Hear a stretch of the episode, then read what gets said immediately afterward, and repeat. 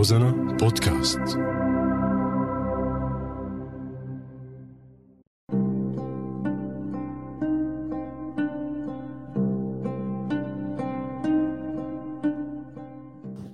بعدك على بالي. خيو فهمني. انت سمعت الخطاب؟ لك أخي بدي أفهم سمعته ولا ما سمعته؟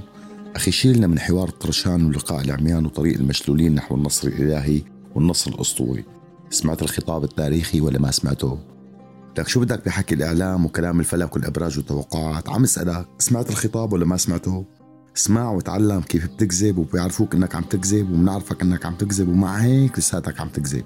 لك يا رفيقي موظف كان عم يطلع براني 5 6000 ليرة باليوم وهلأ عم يطلع 50 60 ألف ليرة باليوم. بدك إياه يتخلى عن بشار؟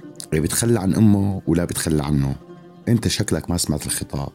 هذا على قد ما مسح جوخ ولقلق ما لقوا له منصب يليق بمقامه. فعينوه مدير عام للعمل الإداري والأعمى غير الضرير. والفساد شيء والمفسدين شيء تاني تماما. الراتب ما له علاقة بالواقع بس الرشوة أمر واقع ما عليها جدل. صار المواطن يدحش الرشوة بإيد الموظف دحش. يا حزرك ليش؟ لو سمعت الخطاب ما بتسأل ليش. طيب سؤال تاني.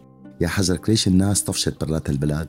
لا مو مشان الحرب ولا دحر الإرهاب ولا مشان الطرقات المحفرة والحواجز الطيارة ولا مشان قطع كل شيء تقريبا من حقوق المواطن.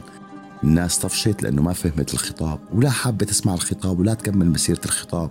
بس اللي ضلوا جوات البلد مجبورين يسمعوا الخطاب وما يفهموا منه غير إنه خطاب موجه للخارج. لا لا مو بيت المي لا ولا الحمام. لك أنت شكلك ما سمعت الخطاب. بدك شيء؟ بعدك على بالي.